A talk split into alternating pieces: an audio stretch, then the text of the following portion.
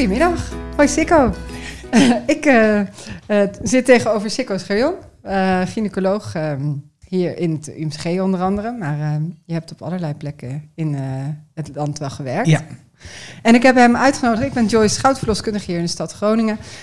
en ik heb, um, ben een beetje wat podcastjes aan het maken in deze coronatijd. Omdat er in onze praktijk allerlei voorlichtingen uitvallen. En ik dacht, ik zou het leuk vinden om wat documentjes te maken voor onze zwangeren en hun partners om te kunnen verspreiden in deze tijd. En um, uh, daarbij ben ik ook gaan nadenken over wat ik zelf nou nog zo leuk zou vinden om te bespreken en met wie. En toen uh, kwam uh, dokter Schurjon om de hoek, want wij werken al wel een tijdje samen af en toe hier in Groningen. En um, ik dacht, ik zou graag met jou willen zitten over het verschil tussen een verloskundige en een gynaecoloog. Uh, wat is het verschil en waarom is het zo belangrijk dat er verschil is ja. tussen jou en mij? Ja. Los Ja, van uh, leeftijd en uh, geslacht en zulke soort dingen. En jij wou wel aanschuiven, dat vind ik heel leuk. Ja, het is ook een heel leuk onderwerp. Het is ook een onderwerp wat, eh, als ik er even over nadenk, en ik heb er nog niet zo heel erg diep over nagedacht, maar dat komt eh, tijdens het gesprek ook wel. Maar dat is een onderwerp wat me eigenlijk altijd wel een beetje eh, heel nage, eh, dichtbij heeft gelegen. En het grappige is dat we in Nederland eh, hebben een, een unieke verloskundige organisatie, waarbij verloskundigen en gynaecologen samenwerken. Maar waar er eigenlijk eh, een groot verschil is tussen verloskundigen en gynaecologen. En het bijzondere is, we werken juist heel veel samen, we hebben elkaar nodig. Maar wat ik er bijzonder aan vind, en het klinkt misschien een beetje gek, het is goed dat we eh, juist verschillend zijn. Dat we, hoewel we heel goed samenwerken, dat we echt verschillend zijn. Dat we echt anders zijn. En dat we anders, ehm, niet anders tegen het vak aankijken, maar dat we het vak anders doen. Ja, maar we hebben toch eigenlijk ook een heel ander vak, Ja, toch? Jij Ja. en ik. ja Dus- ik denk wel. Maar ik denk dat er wel heel veel dingen in het vak zijn waar wij van jullie kunnen leren. En eh, misschien jullie minder van ons, maar wij heel veel van jullie leer- kunnen leren. Want eh, zelfs een, eh, een patiënte of een cliënte of een zwangere, hoe zullen we het noemen, die een ernstige aandoening heeft. ja, die moet toch gewoon bevallen. En die heeft recht op een normale bevalling. Die Ja. heeft recht op een optimale bevalling. Want En- kan, je, kan je mij eh, eh, eh, zo makkelijk mogelijk uitleggen wat het verschil is tussen een verloskundige en een gynaecoloog? Nou ja, wat natuurlijk het grootste verschil is, is dat wij anders tegen, dat we anders zijn opgeleid. Een, een dokter is opgeleid dat hij kijkt naar de dingen die niet goed gaan. En dat, hè, dat noemen we dan met een medische bril. Die is altijd bang voor dingen die misgaan. Die, ja, die maakt dat ook vaker in zijn leven mee. Dus een dokter die is heel erg risico-georiënteerd. Terwijl een verloskundige eigenlijk er op een andere manier tegenaan kijkt. Die is ook anders opgeleid. Ja, die vindt eigenlijk, die kijkt veel meer naar het normale. Wat is er nou eh, ja, zo bijzonder en zo mooi aan zo'n bevalling? Dat het eigenlijk zo normaal en vlot Ja. en, en eh, in, dat noemen we dan ingewikkeld fysiologisch, dat het, dat het normaal Ja. verloopt. En daar hebben gynaecologen vaak moeite mee om daar tegenaan te kijken. Maar daar zijn ze ook niet voor opgeleid, toch? Dat Nee. is ook, het is ook, we hebben daarin, dat bedoel ik eigenlijk ook een beetje met dat we een ander vak hebben. Dat Ja. de gynaecologen hebben ook, eh, worden ook opgeleid Ja, om Ja. specialist te zijn van, de, patholo- van hetgene wat ja. niet goed Ja. gaat. ja. En er zit ook nog wel weer verschil in, want eh, en dat kun je ook wel. ik kan me nog herinneren, er is een keer een onderzoek geweest, eh nou, zo wel 30 jaar geleden, uitgevoerd, waar bleek dat het heel erg uitmaakte als gynaecoloog waar je opgeleid was. En volgens mij is dat bij verloskundigen ook wel zo. Ehm, maar dat, dat kan Bedoel je niet dan heel- in welk land of in welke nee, locatie? zelfs in welke locatie in Ja, ja. Nederland. Dus de, een gynaecoloog die eh, opgeleid is in een ziekenhuis waar een hoog s- keizersneepercentage is, die blijft zijn hele leven hoog keizer- keizersneepercentage doen. Nou, dat is dan wat je in, in maat en getal kunt zien. Mhm. Wat, wat, eh, maar het is heel, eh, maar ook de houding en de, de manier waarop je tegen de verloskunde aankijkt, is erg afhankelijk ehm, waar je bent opgeleid. Dat zal nu eh, door de, eh, ja, de, de, de wetenschappelijke benadering van de verloskunde, zal dat verschil er minder groot zijn. Ja.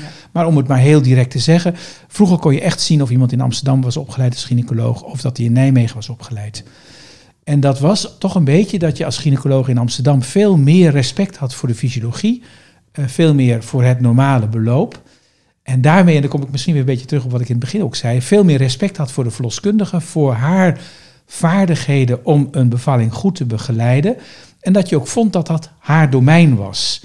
Eh, de, Ja. de- de- dat Dus dat, waar jij als dokter je ook niet eh, mee zou willen nee, moeten bemoeien. ja, dat nee, bedoel ja je dan. niet alleen hè, wat je heel mooi zegt, want je twijfelt al tussen willen en moeten. Ja. Daar zou je als gynaecoloog ook eigenlijk niet mee moeten bemoeien. Terwijl de, uh, de gynaecologen die op een andere manier zijn opgeleid, die zeggen eigenlijk, ja, iedere bevalling is pas normaal als die achter de rug is.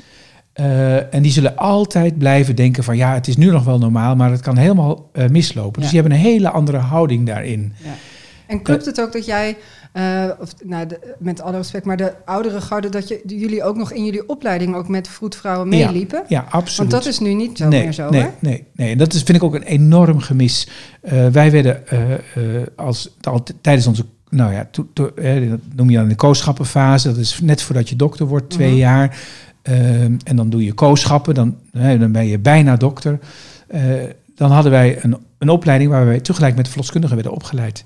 En we hadden ook nog dat we drie weken in het praktikantenhuis zaten samen met verloskundigen, waarbij je bevalling aan huis deed. Dus daardoor leerden ja, ja. wij ook veel meer wat een normale bevalling dus, was. Dus jullie hadden als uh, gynaecoloog in de opleiding ook thuisbevallingen gezien? Ja, ja. ja. nou ja, dat hadden we tijdens, tijdens onze kooschappen gezien. Ja, in ieder geval in, de, in je opleiding tot dokter. Ja. Wij moesten eigenlijk twintig uh, om de, de verloskundige, verloskundige registratie te krijgen als, als dokter, moest je twintig bevallingen zelf gedaan hebben. Ja. En dat, klinkt, dat vonden wij toen enorm weinig, maar dat is nu best wel veel. Ja, maar dat, uh, en dat maakte niet uit waar die waren. Nee, nee, maar we moesten er dus ook een aantal thuis gedaan hebben. En, ja, ja. Uh, en, dat, en je zat dan met de verloskundige in, een, uh, in, in het praktikantenhuis en dan ging je ook met de verloskundige mee. En een tweede punt is dat we in het begin van de medische opleiding, dus de echte opleiding tot gynaecoloog, werden wij ook door verloskundigen opgeleid. Ja. Dus, en wij wisten ook dat de verloskundige veel meer verstand had van, nou, wat is nou een normale bevalling, wat is een normale speeldraai, wat is een normale indaling, en wat is een normaal beloop van de weeën. Daar hadden verloskundigen verstand van, maar gynaecologen eigenlijk niet. Nee. nee. Dus, um, dus daarmee um, is, ben, ik, ben ik ook opgeleid en ook altijd voorstander geweest. En ik ben daar nog een groot voorstander van, is dat je respectvol naar elkaars professie kijkt, maar dat er een groot verschil in zit. En ondanks dat grote verschil, dat het heel goed is om intensief met elkaar samen te werken. Maar, en uh, dus, en daar, daar ben ik uh, heel erg voor dat we dat met elkaar heel goed samenwerken. Maar ik ben juist enorm voor dat verschil wel hand te handhaven. Ja. En uh, ik ben eigenlijk een van de weinigen geweest die steeds gezegd heb dat ik juist wel goed vind dat er wat schotten zit tussen de zorg om de verloskundige zorg te, bescher uh, te beschermen tegen dat medische model. Ja. En dat, en, dat, want dat is nu eigenlijk wel een beetje, dat is wel van deze tijd nu, hè? dat uh, um, steeds meer uh, uh, integrale zorg, dus dat we dat, ja. dat ook vanuit het ministerie dat er steeds meer ja, gepusht, maar in ieder geval zeg je dat nou goed? Ja. Uh, ge, aange, ja, aangemoedigd wordt om ja. uh, met elkaar, met allerlei professies ja. in de geboortezorg uh, goed met elkaar samen te werken. En ook wat meer gemengd samen te werken. Dus dat je, je ziet zelfs verloskundige praktijken die in ziekenhuizen zitten. Hè, dus dat het veel meer dat je bij de bij verloskundige kan beginnen en bij de gynaecoloog zou kunnen bevallen uiteindelijk. En dat dat een veel um, grijzer soort begeleiding is in plaats van zwart of wit bij de verloskundige of bij de gynaecoloog. Ja. En, ik, en ik ben op zich natuurlijk heel erg voor goed samenwerken en, en heel erg goed uh, dat we elkaars vak kennen en dat we elkaar snappen. Maar ik ben ervan uh, van overtuigd dat uh, het belang van de verloskundige professie, dat die, het handhaven daarvan, dat dat een eigen beroep is met eigen vaardigheden en eigen hele sterke punten, dat dat gehandhaafd moet blijven. En dat dat enorm risico loopt als je in elkaars vakgebied over, elkaar, over en weer gaat lopen. Waarbij, waar ben je dan bang voor? Nou, ik ben bang dat de, uh, de, de verloskundige uh, relatief onzeker gaat worden in wat is nou nog normaal, wat kan ik accepteren.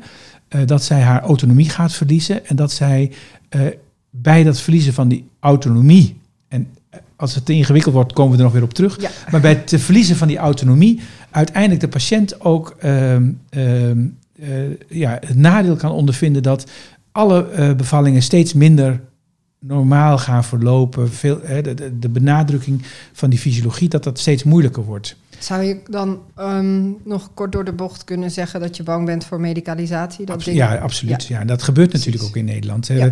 We zijn uh, het land waar de meeste vrouwen worden ingeleid op dit moment. We zijn een, en het, het, zal best zijn dat ik uh, de dingen die ik zeg, dat kan, dat kan ik best de enige zijn in Nederland die dat zo vindt. Of, uh, en dat het een bijzonder standpunt is. Maar ik vind wel dat we door alle nou ja, onderzoek wat we nu gedaan hebben de laatste jaren. En dat zijn al die vergelijkende onderzoeken. Nou, met een ingewikkeld woord heet dat randomized trials.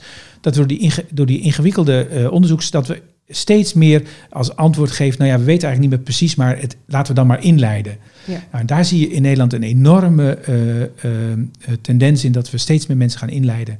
En dat het bijna lijkt dat een normale zwangerschap geëindigd is bij 38 weken. En dat we dan wel iemand kunnen inleiden. En dat, ja. en dat, ja, dat kunnen we ook. Hè. Dat is het moeilijke daarvan. We kunnen medicaliseren zonder dat daar de directe nadelen van zichtbaar zijn. Ja, of in ieder geval op heel korte termijn. Want Precies. we weten natuurlijk niet over 20 jaar of er hier nu nog. Of daar nou uiteindelijk gevolgen van zijn. Maar dat, het lijkt niet zo. Maar, nee, maar ik ben er wel van overtuigd dat er wel gevolgen zijn die we gewoon niet meten ik noem wat posttraumatische stressstoornissen bij de bevallingen. Hè, dat mensen hun, niet meer hun eigen bevalling hebben, maar dat het de bevalling van de dokter is. Ik ben ervan overtuigd dat daar wel uh, enorm verlies is. Ja, hey, want Sikko, waarom, waar ik ook aan moest denken toen ik dacht van we, uh, we gaan straks uh, de, samen een podcast maken, is... Um, jij bent uh, denk een jaar of zeven geleden, zes hier in Groningen ja. gekomen als gynaecoloog in het IMCG. En jij hebt toen één uh, één grote verandering, meerdere, maar in ieder geval één grote verandering doorgevoerd. Um, en dat is namelijk het speciale zorgpad voor vrouwen die ooit een keer een keizersnede hebben gehad. En van hun tweede of een derde kindje vaginaal willen bevallen. Dus, um, en dat gebeurt natuurlijk door de, over de hele wereld wel. Dat vrouwen die, je kan na een keizersnede prima vaginaal bevallen. Alleen jij maar hebt je hard gemaakt en, om op papier, dus een officiële samenwerkingsovereenkomst, zeg maar, hè, om het even zo te noemen, een zorgpad te maken waarbij die vrouw, als ze gaat bevallen van haar tweede of derde kindje, gewoon vaginaal, dan begeleid wordt door haar verloskundige. Ja dus waar eerder je werd overgedragen als je bijna uitgerekend was, dan was je in de zwangerschap bij de verloskundige, maar dan zeiden ze, nou, je hebt ooit een keisnee gehad, uh, het is, uh, we, we raden je aan om in het ziekenhuis te bevallen en dat is dan bij de gynaecoloog, dus ga nu maar naar hem over. En jij zei, nou, ik denk dat, het, uh, dat er gezondheidswinst is om deze vrouwen bij de verloskundige te laten, wel in het ziekenhuis te bevallen, maar met je eigen verloskundige. Ja. Ja. Hoe, waar, waar komt dat? Want daar heb je natuurlijk uh, over nagedacht uh, jarenlang en met veel mensen over gepraat. Ja, daar, daar zat eigenlijk grappig genoeg zat daar, uh, zat daar een ander motief zat eronder. Maar daar kom ik denk ik zaak wel op. het, grote, het, het, idee was eigenlijk dat heel veel vrouwen die een, een, een niet geplande keisnee hadden gehad in hun eerste zwangerschap, ontevreden waren over het beloop van die zwangerschap en daar met gemengde gevoelens op die bevalling teruggekeken. en dat, daar was een onderzoek, daar, daar was data over of was dat jouw eigen ervaring? Nee, dat was eigenlijk een beetje het gevoel wat ik had. En heel veel vrouwen die, uh, die wilden eigenlijk... Die, en ik merkte hier in Groningen ook... Ik denk dat het in Groningen nog sterker was dan ik het in Amsterdam meemaakte. Merkte ik dat heel veel vrouwen eigenlijk niet in het ziekenhuis wilden bevallen. En die wilden liever bij hun verloskundige blijven. En zelfs dan soms uh, thuis of zo, hè? Dus thuis, tegen medisch advies precies. in. Ja, ja. En toen dacht ik, uh, er is een hele, uh, en eerlijk gezegd heb ik dat van Kloosterman geleerd, die zei uh, dat alle vrouwen kiezen uiteindelijk voor de bevalling die uh, voor hun kind het allerbeste is. Er is geen vrouw die kiest voor een bevalling die, waarvan zij denkt dat het voor haar kind een risico is. Dus iedere vrouw die, die, en wij als gynaecologen denken heel vaak dat vrouwen irrationeel kiezen. Maar dan, als je het gevoel hebt dat een, dat een, een zwangere een, een keuze maakt die volgens jou niet goed is, dan moet je eerder vragen, heb ik haar, bij jezelf afvragen, heb ik haar wel goed voorgelicht? Heb ik wel goede dingen met haar besproken? Ja. Maar wij, wij merken dus dat een aantal vrouwen uh, uh, kozen om uh, met een keisnee, nou ja, heel anders te bevallen dan wij gedacht hadden dat verstandig was. Toen heb ik over na zitten denken, nou, er zijn er heel veel vrouwen die waarschijnlijk hetzelfde voelen, maar dat niet hardop zeggen. Want de, de druk om met een keisnee in het ziekenhuis te vallen is zo groot mm dat bijna niemand dat doet. Dus ik dacht, er is een, een winst in continuïteit te, te behalen voor de zwangere zelf, dat ze met haar verloskundige in een uh, laag risico setting uh, uh, de controles heeft, het vertrouwen wint.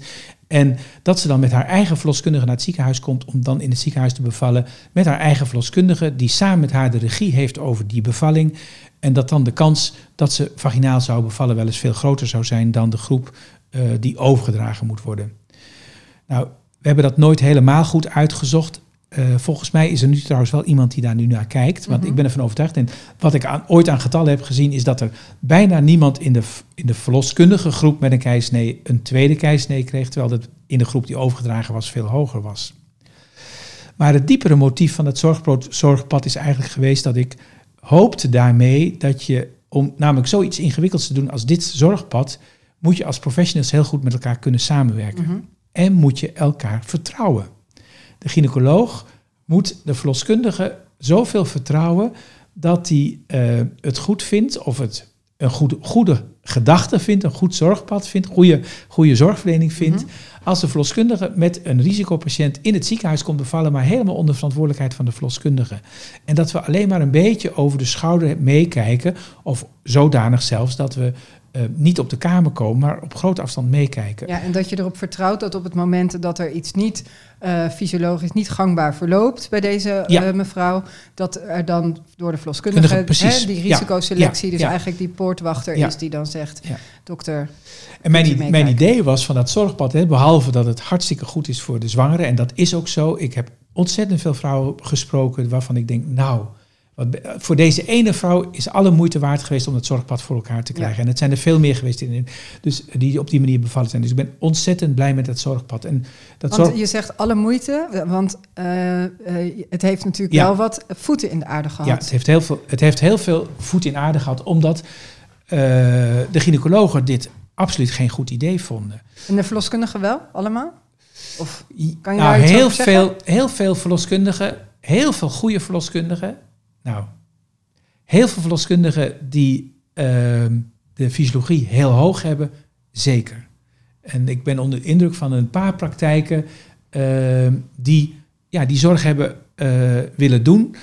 Wat natuurlijk best wel veel, veel meer werk voor hun is. Want Mhm. normaal gesproken zou je, kan je zo iemand overdragen Ja. en dan, eh, en dan toucheer je thuis en dan zeg je, oh, 1, 2 centimeter, het is begonnen. Ik zou nu maar naar het ziekenhuis gaan ja, bijvoorbeeld. nog niet eens, hè, dat we in de zwanger bij 36 weken... Ik al overdragen, ja. Ja. Ja. En voor het geld hoef je het niet te doen. Dus, er Nee. zijn, dus ik vond, ik was onder de indruk van de verloskundigen die in dat project meegingen in het belang van hun eh, cliënten. En nou, ik, er, ik, er zijn zo ontzettend veel vrouwen die daar een enorm voor, voordeel aan, Ja. hebben gehad. En waar, waar kwamen de voeten in de aarde vandaan eh, binnen het ziekenhuis? Dus waarom waren de gynaecologen of misschien de gynaecologen in opleiding Ja.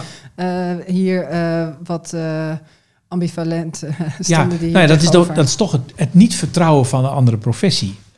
En, maar dat Maar denk is, je echt dat dat het is? Of denk je dat het ook is dat ze zich gewoon zo ontzettend verantwoordelijk voelen?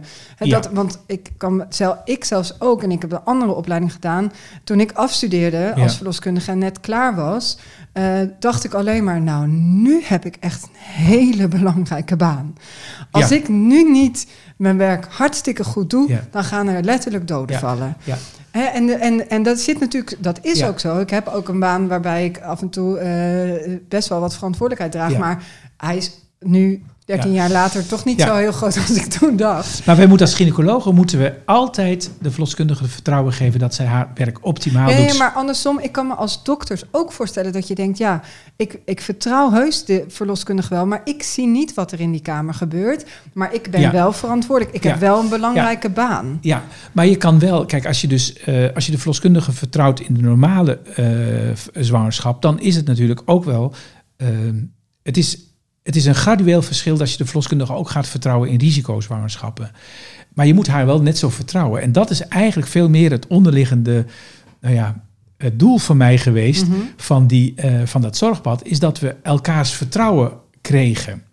En in plaats van een model van bovenaf op te leggen van integrale zorg, was het, was het, was het veel meer mijn idee om via die zorgpaden te proberen het vertrouwen in elkaar te winnen. En dan vanuit dat vertrouwen een organisatie op te bouwen waar uiteindelijk de patiënt het grootste voordeel van zou hebben. Dat iedereen op die manier zou kunnen bevallen zoals hij Ja, zelf en, zou en willen. dat dus eigenlijk de samenwerking tussen de, verloskundige buiten het ziekenhuis en de gynaecologen, dat dat meer dat dat eh, gesmeerder Ja, ging. Hè? ja, In ieder geval. ja. eh, En dus niet op een wijze, wat nu heel veel gebeurt, waarbij de, de gynaecoloog in risicosituatie de verloskundige echt superviseert. Nee. Dus dat is heel bewust van dat, van dat zorgpad de bedoeling geweest Ja. om niet eh, de, de verloskundige in een verlengde armconstructie te doen. Nee. Waarbij je eh, als, als gynaecoloog ehm, nou ja, eh, op je, je verantwoordelijkheid blijft houden. En dat heb je natuurlijk altijd. Maar dat je het werk laat doen, eigenlijk door de verloskundige. Maar dat jij de primaire verantwoordelijkheid hebt. En dat je steeds meekijkt. En dat je eigenlijk altijd degene bent die het, het zegt hoe de verloskundige het moet doen. Nee. Dit zorgpad is echt bedoeld geweest om de verloskundige haar eigen autonomie te behouden. haar eigen uh, vak te blijven uitoefenen, ook in risicosituatie. Want, en dat vind ik nog steeds, en dat is wat we in het begin ook eventjes noemden, dat ook vrouwen in een risicosituatie recht hebben op een goede bevalling. En, en dat heb ik van Kloosterman geleerd, mijn opleider, die zei: een tweede bevalling kan enorm helend werken op een trauma wat in de eerste bevalling een rol heeft gespeeld. En ik zag best wel eh, een aantal, en niet alle mensen eh, met een keisnee of een moeilijke bevalling, of, maar er waren, was toch een aanzienlijk aantal in Groningen wat uh, ja, heel erg moeilijk over hun eerste bevalling kon, kon praten, omdat het allemaal zo moeilijk en zo zwaar was geweest. En heel vaak hoor je van vrouwen: ik ben overruled, ik heb mijn autonomie ben ik verloren. En de kunst is maar denk dat kan ook bij een, uh, bij een verloskundige gebeuren. Absoluut. Toch? Dat is niet per se ja. uh, nee. Nee. vak, nee. zeg maar, specialist gerelateerd. Maar ik denk dat dat wel verschillend is. Ik denk dat binnen het medisch model je sneller overroeld wordt. En we zien nu ook wel, en wat je in de verloskunde ziet, zie je ook in de diabeteszorg en ook wel in de oncologie zie je het, dat mensen niet meer de standaard zorg willen hebben. De mensen willen zeggen, ik uh, willen veel meer individualiseren, voor zichzelf bedenken. Uh, deze zorg zoals die nu uh, uh, volgens protocollen en randomized trials en ingewikkelde onderzoeken, dat dat voor mij hè, dat dat de beste behandeling is. Ja, dat is de beste behandeling voor een hele grote groep mensen. Mm -hmm. Maar de gezondheidszorg is eigenlijk dat die moet integreren van nou, de, de, drie zaken. Wat weten we uit de, uit de kennis? Wat past van die kennis bij deze patiënt? En hoe sta ik er als dokter bij? Die drie dingen, waarbij dus de dokter en de patiënt een enorm belangrijke uh, factor meespeelt. Dus het behoud van autonomie is erg belangrijk. En ik denk dat de verloskundige uh, veel meer uh, bijdraagt aan die autonomie. Dat de verloskundige veel meer naast de patiënt. Ja, ik moet altijd patiënt zeg ik altijd, ja. en dat is wel een beetje ouderwets, maar goed. Uh, ja, dat, jij bent ook een dokter, ja. dus dat is, dat is heel, ja. heel legitiem. Ja, ja de, de, de, de, de verloskundige staat veel meer naast haar zwangere, dat, hè, ze zijn samen veel. En de dokter staat veel meer vanuit een medisch model tegenover de patiënt. En ja. heel veel dokters zullen zeggen: nee, dat doe ik niet. En, uh, maar dat, dat medische model, uh, dat is dominerend vaak in de handelingen. Ja, en dat, en dat is. Een verschil ja, tussen het, gynaecologen en verloskundigen. Ja. En wat ook wel, ik heb ook wel toen ik nog, ik was echt heel jong toen ik de verloskundeopleiding ging doen. Um, um, weet ik wel, want we, als je de opleiding gaat doen, doe je ook al heel snel, ga je al heel snel stage lopen. Hè? Dus je wordt al snel uh, wel in diepe gegooid en ook al wel snel in het ziekenhuis. Ja. En ik weet wel dat het echt lang heeft geduurd nadat ik afstudeerde. Uh, ik wist het wel, maar dat ik ook intrinsiek echt zelf voelde uh, dat je nooit, dat je, dat je eigenlijk altijd gelijkwa op gelijkwaardig niveau met de gynaecoloog samenwerkt. Terwijl ook in de opleiding, het, soms voelt het dan toch een beetje alsof je onder de gynaecoloog ja, werkt. Hè? Ja, dus hij is ja. of je baas of je. Uh, en dan en niet eens terwijl je in een ziekenhuis werkt. En dat is natuurlijk ook omdat als wij um, uh, iets niet gangbaars tegenkomen en daar uh, uh, raad over vragen of in ieder geval kennis willen vergaren of, of deze zwangeren willen bespreken. Dat doen we natuurlijk. Dus we gaan ook naar de gynaecoloog Ja. om dat consult te vragen of om Ja. uh, iets te bespreken. Dus dan lijkt het toch altijd wel alsof je daar naartoe gaat als je het niet meer weet. Ja. Maar Ja, en dat, ik- ik dat vind- is toch niet, dat is echt niet hoe het in de praktijk natuurlijk gaat. Maar zo voelt het soms Ja. wel een beetje. Ja, en ik denk dus ook dat eh, als je echt integraal met elkaar wil samenwerken, als je echt, eh, dan moet de machtsverhoudingen tussen gynaecologen en, en verloskundigen moet gelijk zijn. Eh, het moet niet zo zijn dat de gynaecoloog altijd de baas is. En dat kun je volgens mij alleen maar realiseren als je ook al vroeg in de opleiding die opleiding ook integraal doet. En dus dat je gynaecologen of Ja. eigenlijk leerling verloskundigen en leerling dokters, dat je die met elkaar opleidt, waardoor ze van elkaar weten hoe belangrijk hun werk Ja. is. En ook hoe anders, hoe verschillend het is. Hoe verschillend het is. Want Ja. ik bijvoorbeeld, ik respecteer een huisarts enorm.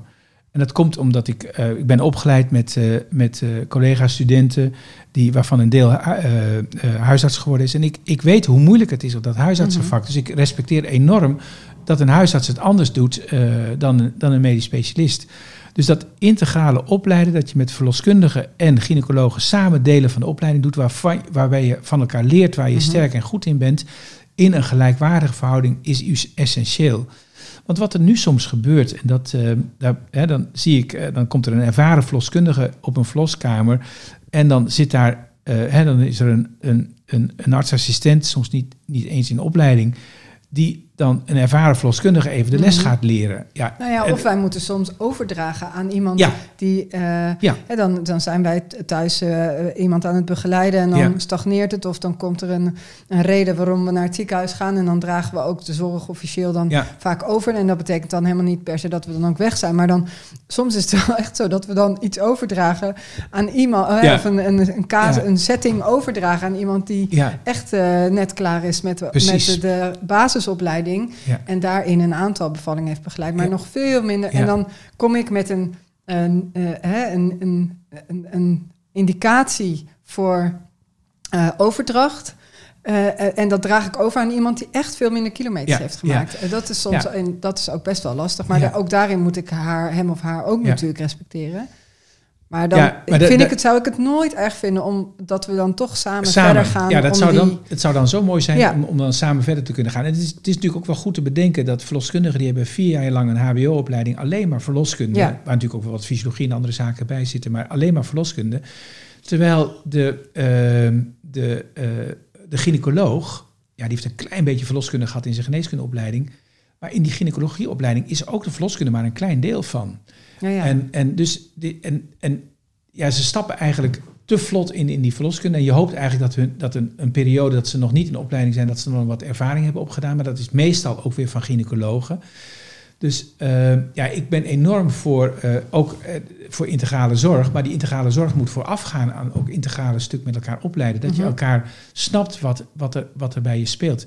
Kijk, en als, er, als, er, als dat zover is, dan kan ik me voorstellen dat je de, de schotten tussen de twee beroepsgroepen weghaalt. En dat je dan eh, eh, op gelijkwaardige wijze met elkaar kunt samenwerken. Maar ik ben nu, nu dus ja, enorm bang dat we, die, eh, dat we die, de fysiologie gaan, gaan, gaan verliezen. En dat, dat zie je denk ik toch wel in Nederland nu wel gebeuren, zo langzamerhand. Ja. Seksualpercentage, keizersneepercentage is, is nog steeds wel laag in de wereld. Gelukkig blijft dat, eh, eh, en dat, ik zeg gelukkig, want ik vind 16% eh seksualpercentage eh, is, ja, is, eh, is misschien wel mooi, maar is ja, toch ook een klein beetje, toch wel denk aan de hoge kant. Maar wereldwijd is dat laag. Mhm. Maar het blijft, gelukkig blijft dat de laatste jaren relatief stabiel, stabiel. Ja, Het is ja. zelfs een klein beetje afgenomen. Ja. Dus dat is wel knap. Ja. En, en ik denk dat dat komt ook omdat wij, en zo beschouw ik het ook eigenlijk steeds, dat, we, dat er toch een beroepsgroep is die over onze schouders meekijkt. En dat zijn de verloskundigen in dit geval, die met ons meekijken en die toch voor een groot deel eh, bijdragen aan die fysiologie, aan het normaal houden van de, van de bevallingen. Ja, nou, dat is immers ook ons vak. ja. ja. Dankjewel, Sico. Volgens mij was dit een mooie, mooie kapstok om eh, voor iedereen die dit hoort om eens op te gaan kouwen en over na te denken. Ja. Toch? ja. Nou, heel erg leuk om te doen. Dankjewel. Mooi. Doei.